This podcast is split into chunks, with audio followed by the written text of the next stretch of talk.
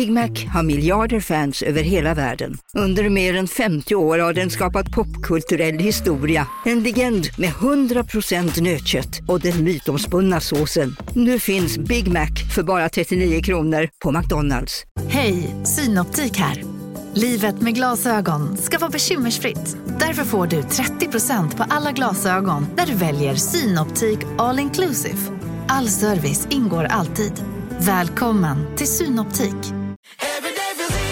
Som medlem hos Circle K är livet längs vägen extra bra. Just nu får du som ansluter dig 50 öre rabatt per liter på de tre första tankningarna och halva priset på en valfri biltvätt. Och ju mer du tankar, desto bättre rabatter får du. Välkommen till Circle K.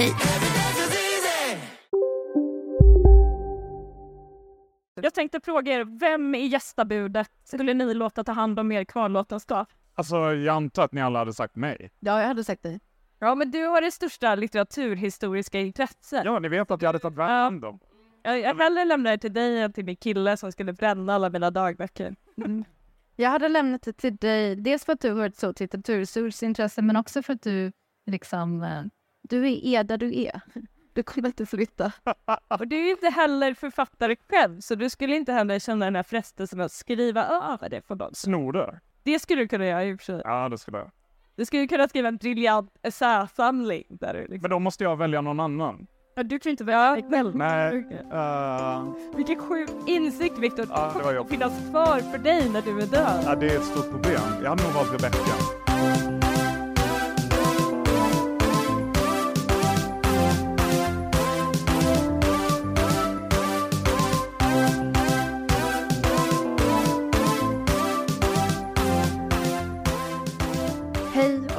Välkomna till podcasten Gästabudet som idag spelar in ett sorts uh, ett liveavsnitt. Spelas det in? Ja. Mörd? Jo, nej men du kan inte fly. Allt du säger nu kommer vara för eftervärlden. det är bra att jag vet. Det är väldigt bra att du vet det, så håll på mattan. Jag heter Rebecka Schade och bredvid mig står Viktor Malm, Expressens kulturchef. Express... Äh, Jeff, även idag. Om någon hade glömt vad du jobbar med. Ja, jag heter Lyra Ekström Lindbäck och bredvid mig har jag Mikaela Blomqvist. Ni får jättegärna komma lite närmare. Precis. Eh, det är lite oklara sociala konventioner här så det är någon slags eh, evenemang som är en slumpvälj men också en scen så det finns inget protokoll för hur man ska bete sig. Och det blir heller inte mindre konstigt för att de ställer sig närmare. Jag, jag tycker det är jättetrevligt. Jag hade hört från Saga Hanséns Twitter att det skulle finnas sponsöl här och ändå står vi och dricker vatten. Ja, men det är rätt. Ja, det är sponsvatten. Vi ska i alla fall prata om relationen mellan kritiken och författaren eh, ikväll. Eh, detta tema bestämde vi innan det kom ett eh, manifest på temat och det blev en debatt på temat. Men eh, jag tänkte när vi bestämde det här temat genast på en av mina bästa kulturskandaler som är när den tyska författaren Martin Walser för 20 år sedan, 2002, eh, som är liksom Martin Walser är han dog förra året, tror jag, det kanske tidigare år och han var en sån gigant i tysk litteratur. En, en väldigt maskulin uh, man med liksom all, allmän, jag ska inte säga storkuksaura, men liksom kukaura kanske. Uh, men, men som skrev jag men egentligen ganska bra böcker, men som var en sån... Vad är skillnaden på kukaura och storkuksaura? Tänkte precis fråga. Är inte det uppenbart? Nej. Nej. Nej men du vet att den är framme liksom. Uh, så, det är väl det som är orden typ. Det är blottaraura ah, ja. som är Han, han har skrivit en fantastisk roman som heter eh, Bortom all kärlek som bara är en kort liten roman och som är så otroligt mörk som handlar om en man som är handelsresande i att sälja tandproteser, tror jag. Den är fantastisk. Ah. Tillbaka till anekdoten. Ja. Nej, men han, det, är, det är inte på något sätt en dålig författare, men det är en sån författare som eh, efter sin död eh, tiden kommer nu i ett par decennier inte vara snäll mot honom, så får man se liksom hur han traderas. Men han var fiende med en man som, het, som jag tror många känner till, som heter Marcel Reitz-Stranitzky, som var Tysklands, eh, eller den tyskspråkiga världens stora litteraturkritiker under flera decennier. Ja, Ja, man ska, man ska verkligen, det ska man verkligen till. För han, alltså det finns ingen svensk, möjligen Mikaela, men, men det, är liksom, det finns ingen sån samhällsfunktionsmotsvarighet tror jag till vad han var. Han hade ett uh, tv-program som hette Das Literarische Kvartett där han satt och liksom dömde en dag i veckan i flera decennier och hans, det var inte De borde ge Mikaela ett sånt program. verksam tips. Nickar. Ja, Men han har, ju, han har ju också låtit sig fotograferas. Eh, jag vet att jag har sett bildserier så där han är med en bok som han liksom sliter sönder så att han grimaserar. Ja, men det, det, det är en sån liksom, det är teatral gestalt på ett sätt som är ja, men väldigt kulturspecifikt kanske. Jag personligen uppskattar honom, men också jag förstår att man kan ha problem med hans uh, sätt att uppträda i offentligheten, för han är inte, det är inte, inte en balanserad människa. Liksom. Och han hade tonsidan till Martin Walser, sågade flera av hans böcker och så vidare. Och sen fick detta en ände med förskräckelse när Martin Walser 2002 publicerade en roman som heter i svenska översättning En kritikers död. Fan, nu vet jag vad det är för anekdot. Ja. Detta är en nyckelroman om en författare som eh, blir sågad av en kritiker och sen blir häktad för mordet på denna kritiker och det är väldigt, väldigt uppenbart att den här kritikern är liksom helt och hållet medalerad på Reichs Renitstil.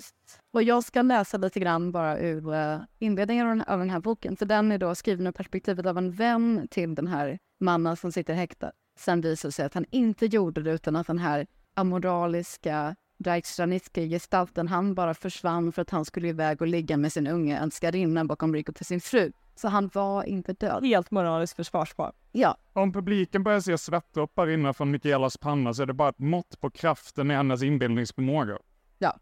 i alla fall. Så här säger då den här eh, vännen till den här häktade författaren.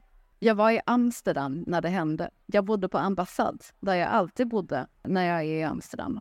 Och vid frukostbordet läste jag, som jag alltid gör där, tidningen och fick då reda på att Hans Latt satt häktad, misstänkt för mord. Fastän jag i vanliga fall, vid utlandsvistelser, bara läser de lokala tidningarna. Det hör så att säga till njutningen.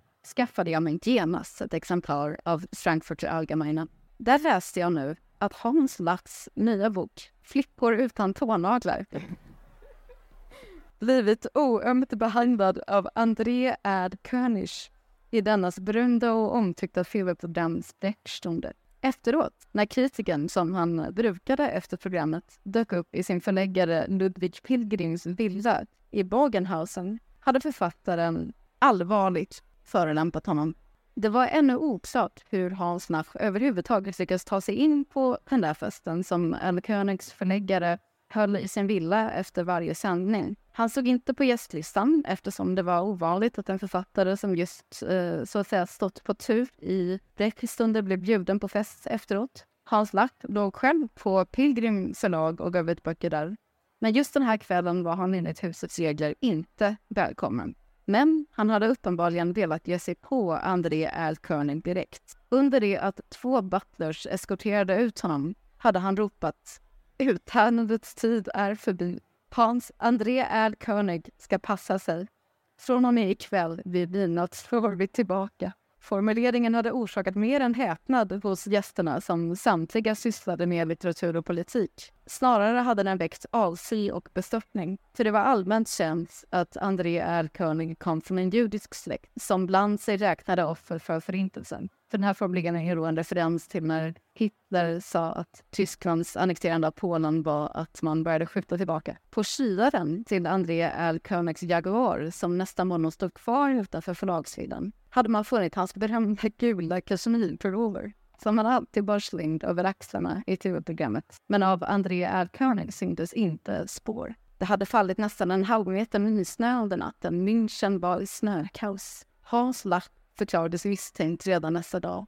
Och då han varken hade något alibi eller var villig att svara på några enkla frågor beslöt man att häkta honom. Hans tillstånd beskrevs som folket. Och det här tänker du är profetiskt för ikväll? Det är ju många författare på DN Kultur som de senaste veckorna har eh, sett sig nödgade att försvara sig mot framförallt då Mikaela Blomqvist som kanske ligger på lur här ute i publiken. Ja men senast idag Gunnar Aderius, men han, han är så otroligt lång så att var jag än rör mig på bokmässan så ser jag bara Gunnar Aderius huvud sticka upp över en folkmassa. Så han är inget verkligt hot liksom. Finns det någon kort författare som du har sågat nyligen? Nej, jag har gjort det. Nej, Strategiskt. Ja. Men Lyra, vad har du för exempel? Ja, men mitt exempel är från en av våra stora kvinnliga litteraturkritiker i den svenska historien och i min historieskrivning finns det bara två egentligen, Margit Abenius och Klara Johansson. Ruth Halldén. Ja, Ruth Halldén. Hagar Olsson räknar du inte Ja, men det, ja, okej. till Eh, om man skriver en sån historieskrivning där jag skulle vara med som en kritiker. där kan ju vara med. Ja, precis. Ja. Men Klara Johansson då, hon var ju en väldigt, väldigt hård kritiker. Men hon vurmade ganska mycket för idealisterna kring Wilhelm Ekelund och inte då bara Wilhelm Ekelund som många av hennes samtida gjorde, utan bland annat också Gustav Otto Adelborg, som kanske bara Viktor känner till här, som egentligen kanske inte var en så stor författare och han fortsatte. Aldrig läst. Aldrig läst. Nej, och det är väl ingen som har gjort det och det är väl tur det. Men Klara Johansson gjorde det och hon hyllade honom och sen bet han sig liksom fast vid henne som en igel. Och då skriver hon så här i sin dagbok 1912. Det har funnits tider då han var mig en mara och hade han inte dalat ner om horisonten skulle det hela slutat med en krasch av vild avsky. Han tror sig försummad och sålunda förorättade mig och anser att jag är skyldig honom brev. Som om jag någonsin kunde vara honom något skyldig. Storartad naivitet som är antingen en pojkes otacksamma själviskhet eller ett vittnesbörd om att han mer än lovligt tar miste på person.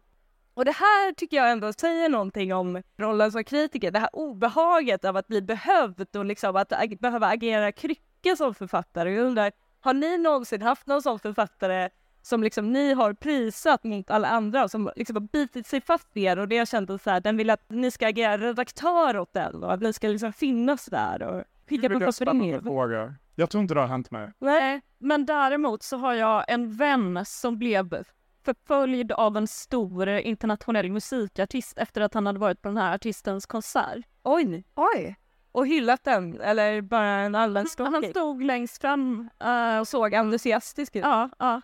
Eh, och då frågade musika, den här musikartisten andra, vem, vem, är, vem är den här killen som står längst fram? Och så fick han kontakt med honom, herregud. Och först blev han ju jätteglad, men sen så blev det för mycket, så att säga. Fanns, fanns det någon erotisk eller romantisk komponent? Nej, nej. Nej, Nej, och inte här heller. Nej. Liksom, de var ju båda homosexuella. just det. Eh, och det, men han ville liksom ha, alla i det kotteriet ville ha hennes hjälp med att förmedla förlagskontakter när de hade svårt att bli utgivna och ville att hon skulle agera redaktör och sådär. Men i- historiskt är den här relationen inte alls konstig. Alltså, vi måste komma ihåg att professionaliseringen och litteraturkritiken är en väldigt samtida händelse. Det är idén om jäv, att man inte recenserar en kompis eller någon man känner eller någon bekants bekant eller någon man har druckit öl med eller vad det månde vara. Den är splitterny. Mm. Jag, jag pratade precis om det här faktiskt eh, med en, en vän som vi pratade, eh, eller vi, vi pratade om Jesper Högströms nya biografi över Gunnar Ekelöf som kommer ut nu som är jättebra. Och Gunnar Ekelöf var väldigt god vän med Olof Lagercrantz. Och Olof Lagercrantz recenserade också då och då på Gunnar Ekelöfs initiativ Gunnar Ekelöfs böcker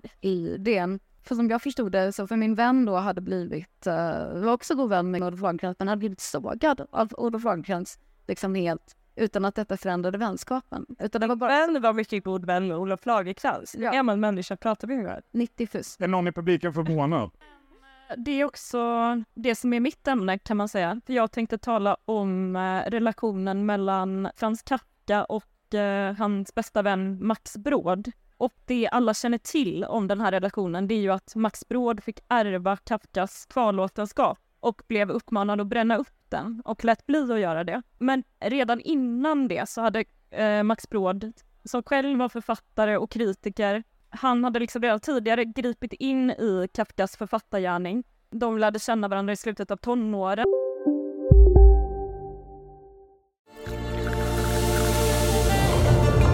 Välkommen till Maccafé på utvalda McDonalds restauranger med Baristakaffe till rimligt pris. Vad sägs om en latte eller cappuccino för bara 35 kronor? Alltid gjorda av våra utbildade baristor. Hej Sverige! Apoteket finns här för dig och alla du tycker om.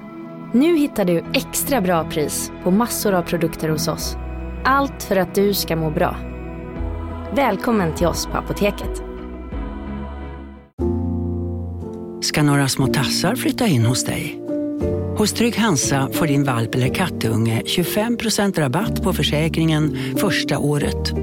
Läs mer och teckna djurförsäkringen på trygghansa.se. Trygg Hansa, trygghet för livet. Max Brod eh, blev tidigt författare och gav ut flera böcker och först efter flera år så kom det fram att Kafka också skrev. Och eh, första gången som Max Brod eh, hörde honom läsa upp något så kände han att men det här är något alldeles speciellt och jag ska göra det till min uppgift att uh, föra fram Kafka. Så då skrev Max Brod bland annat så skrev han en tidningsartikel i en uh, tyskspråkig tidning där han listade uh, samtidens största författare, till exempel uh, Heinrich Mann och så vidare. Och så skrev han också Frans Kafka, som vid den tiden var helt opublicerad. Han har inte publicerat ett ord. Och uh, senare så tror jag även faktiskt att han recenserar en av uh, Kafkas få böcker som kom ut. Men vad som hände sen, efter att han hade ärvt de här papperna på Kafkas mammas inrådan, låtit bli att bränna dem. Det, blir, det var mamma som var den stora hjältinnan i den här historien? Ja, alltså. uh, Julie Kafka han, ja men 1939 så emigrerar Max Brod till Palestina från Prag. Och då tog han med sig alla Kafkas manuskript. Och så sen så levde han i Tel Aviv resten av sitt liv. Jag tror han dog 1968. Och hela tiden så sa han att han skulle lämna de här manuskripten till eh, Nationalbiblioteket där en ungdomsvän till Kafka och Max Brod eh, arbetade dessutom. Han var chefsbibliotekarie tror jag. I Israel. Ja, ja. Men det gjorde han inte, utan istället så lät han sin sekreterare Eva Hoppe ärva manuskripten med någon lite luddig formulering om att hon kanske skulle lämna dem vidare till det här biblioteket. Men det gjorde inte Eva Hoppe, utan att hon behöll manuskripten i sin lägenhet i bankvalv i Schweiz, började sälja av vissa av manuskripten till privata samlare, till eh, tyska bibliotek. Eva Hoffe levde tills hon var 101 år gammal så att hon dog 2007 och då lät hon sina två döttrar ärva eh, den ena av dem, Ester Hopfe, eller om det är tvärtom, att, ja, jag vet inte om jag blandat ihop Eva och Ester, ja, men i alla fall, hon hade tagit hand om sin mamma, hon hade levt med sin mamma eh, hela livet, hon hade aldrig gift sig och sådär. Och hon hade aldrig läst Kafka, eller hon hade läst lite Kafka men inte tyckt så mycket om det. Men däremot så hade hon växt upp med Max Brod i sitt hem. Och Eh, kände att hon hade en nära relation till Max Brod och att hon hade, att de här papperna hade sånt, eller manuskripten hade ett sånt affektionsvärde för henne för att hon var uppvuxen med dem. Typ såhär morbrors gamla julhistoria. Ja, ja fast det är Kafkas originalmanuskript. uh, så att hon ville absolut ha kvar de här manuskripten i sin lägenhet i Tel Aviv uh, där det bodde mellan 40 och 100 katter. Oj. Eva? Uh, och då började israeliska staten driva process mot henne som pågick mellan 2008 och 2019. Och, uh, så dömde de henne för? Eller vad anklagade de henne? De hävdade att vanvård av katt. De, de hävdade att ja, sådana processer pågick parallellt. Uh, men, men hon köpte alltid nya katter för det var liksom att... Vadå, vill man ha hundra katter och någon tar en katt ifrån den på grund av vanvård? Nu ser vi att vi blir sidetrackade. Men, men i alla fall, eh, 2019 så fick israeliska staten rätten till de här manuskripten. Vad är eh, katterna?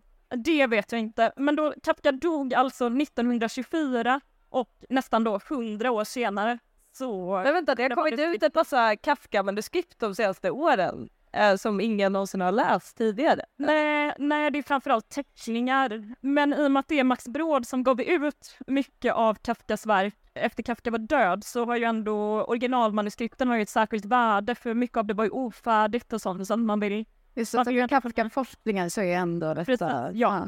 Okej, så aldrig ha kanske i sitt testamente? Nej, nej. Och då tänkte jag, vem, jag tänkte fråga er, vem i gästabudet skulle ni låta ta hand om er kvarlåtenskap? Alltså, jag antar att ni alla hade sagt mig. Ja, jag hade sagt dig. Ja, men du har det största litteraturhistoriska intresset. Ja, ni vet att jag hade tagit hand om. Jag, jag hellre lämnar det till dig än till min kille som skulle bränna alla mina dagböcker. Mm. Jag hade lämnat det till dig, dels för att du har ett stort litteraturhistoriskt intresse, men också för att du liksom, eh, du är där du är. Du kommer inte flytta. Och du är inte heller författare själv, så du skulle inte heller känna den här frestelsen att skriva över det på någon. Snor? Det skulle du kunna göra i och för sig. Ja, det skulle jag. Du skulle kunna skriva en briljant essäsamling där du liksom... Men då måste jag välja någon annan. Ja, du kan inte välja dig själv. Nej. Uh... Vilken sjuk insikt Viktor! Ja, det kommer att finnas kvar för dig när du är död. Ja, det är ett stort problem. Jag hade nog valt Rebecca. Vad visste att du skulle säga det. Uh, blir du kränkt? Nej. Nej, men jag tror att uh, Rebecca hade kanske inte varit så intresserad av det, men hon hade känt en stark plikt att se till att det inte gick åt helvete. Okay. Så tillvida att det inte blev en brand i hennes lägenhet. Hon har störst samvete ja. också. Ja, nej men det, det, har jag faktiskt. Ja, men jag hade eh, vaktat dem där och jag hade heller inte läst dem så du hade inte behövt känt liksom att din, din privacy... du hade, du hade inte läst dem? Det är klart man måste läsa dem. Det är ja. ju... Och så hade du muttrat på middagar, Viktor lämnar massa papper någon lämnade dig sitt litterära efterbärl och du bara, nej, can't be bothered. Så.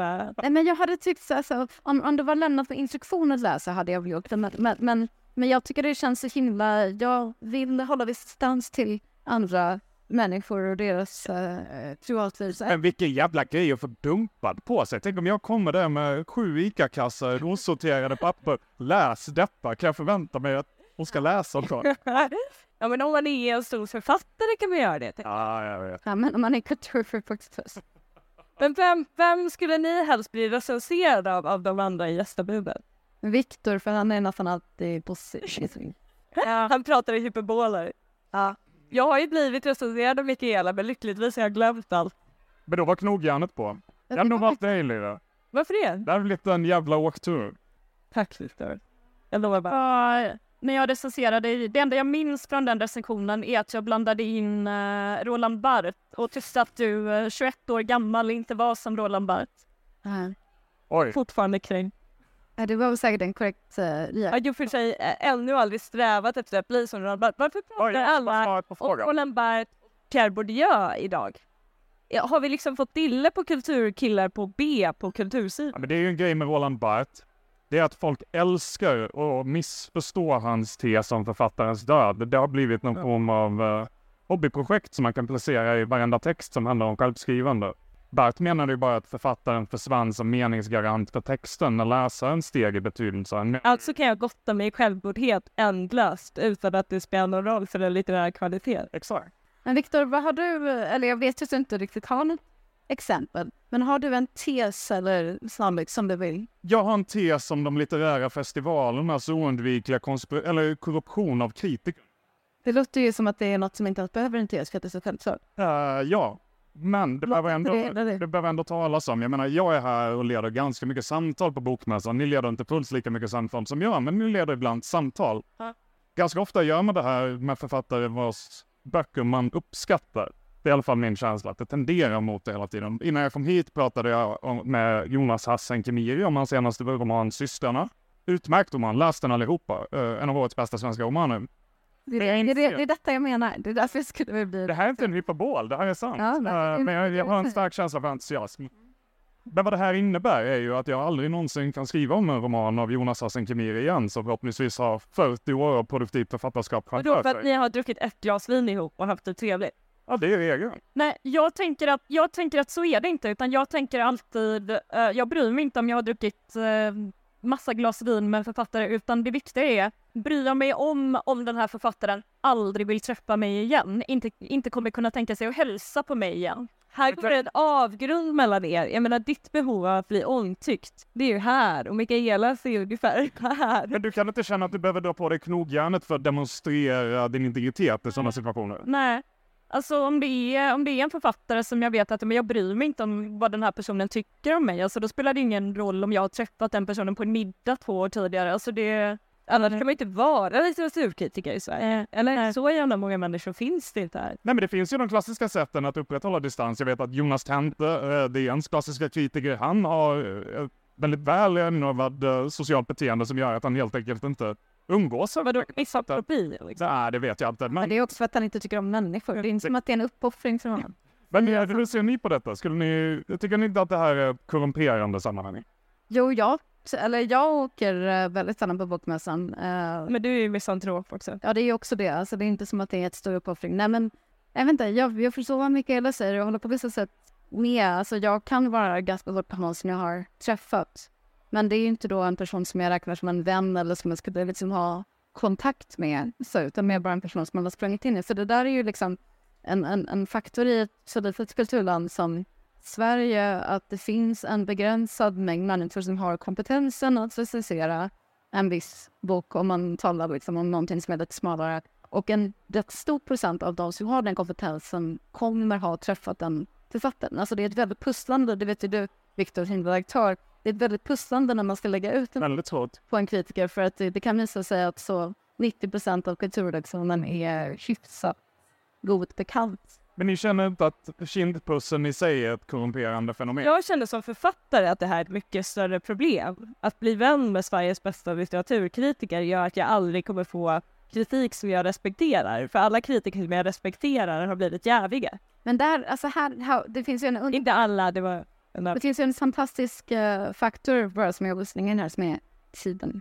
Som är att det finns, uh, eller det kommer ändå bara finnas goda människor som aldrig har träffat dig, som inte respekterar dig så mycket, men som vet vad de håller på med, som kunde kunna skriva något. Den tesen bygger på att jag klarar av att respektera människor som är yngre än jag själv. Ja, ja. Jag tror att de inte fattar vad Lyra håller på med och tycker att hon är en gammal taff. Men det, det, finns, en, finns en motsats till den här korrumperande tesen och det är att också sådana situationer är utmärkta sammanhang att se författare från sin bästa sida. Vi började ju med att Mikaela tog upp författarnas sämsta sida, att de var väldigt arga på det. Det tycker vi inte om, att de är arga på det, även om det är kul. Däremot kan också vissa författare, känner jag, som man springer in i på bokmässan eller i liknande sammanhang, som man har skrivit en sågning av, komma fram och säga hej, ta nu allihop. Men är det också korrumperande? Men, är det för att jag inte ska göra det igen? alla människor i din aktning när du träffar dem i verkligheten? Jag har lätt att tycka om alla människor. Ja, jag håller med. Jag, gör också, jag tycker också generellt om alla människorna. Men jag tänkte till exempel, alltså jag mm, hade två scenframträdanden med Lena Andersson förra hösten, där jag fick ställa frågor till henne och där jag fick ställa frågor om hennes författarskap. Och det tycker jag, det fördjupade ju min bild av hennes författarskap. Alltså det kan, det kan ju ändå ge någonting, de här samtalen också. Um... Ja, och det, det var det här jag egentligen ville komma till, att jag tror den här, de här recensionerna som Olof Lagercrantz skrev om Ekelöf, det var jävligt bra recensioner. Mm. För att Lagercrantz förstod sig på Ekelöfs poesi genom att han stod honom nära på ett sätt som få andra gjorde. Man kan läsa om dem idag med djup uppskattning. Som Men, Margita Benius biografi över Karin Boye, ja, som var en nära vän till hennes, ja. för det är det bästa som har skrivits som Boyes liv. Ja. Alltså Jäbsregeln är en jävligt bra idé, men jag är inte säker på att den har gjort kritiken bättre. Den har möjligen gjort den mer rättvis. Mm. Ja, för det kan ju också verkligen så åt andra hållet, att man inte vill såra någon man tycker om. Eller någon som man kanske inte känner särskilt väl, men man så gärna vill. Det står your eyes will turn off automatically om 53 sekunder. Typ, ja, ja. Typ. Uh, men det här har varit ett väldigt kort och effektivt förhoppningsvis avsnitt av gästabudet och vi är jätteglada att ni kom hit och lyssnade. Fantastiskt att se er, tack. Ja, jätteglada för det. Tack så mycket.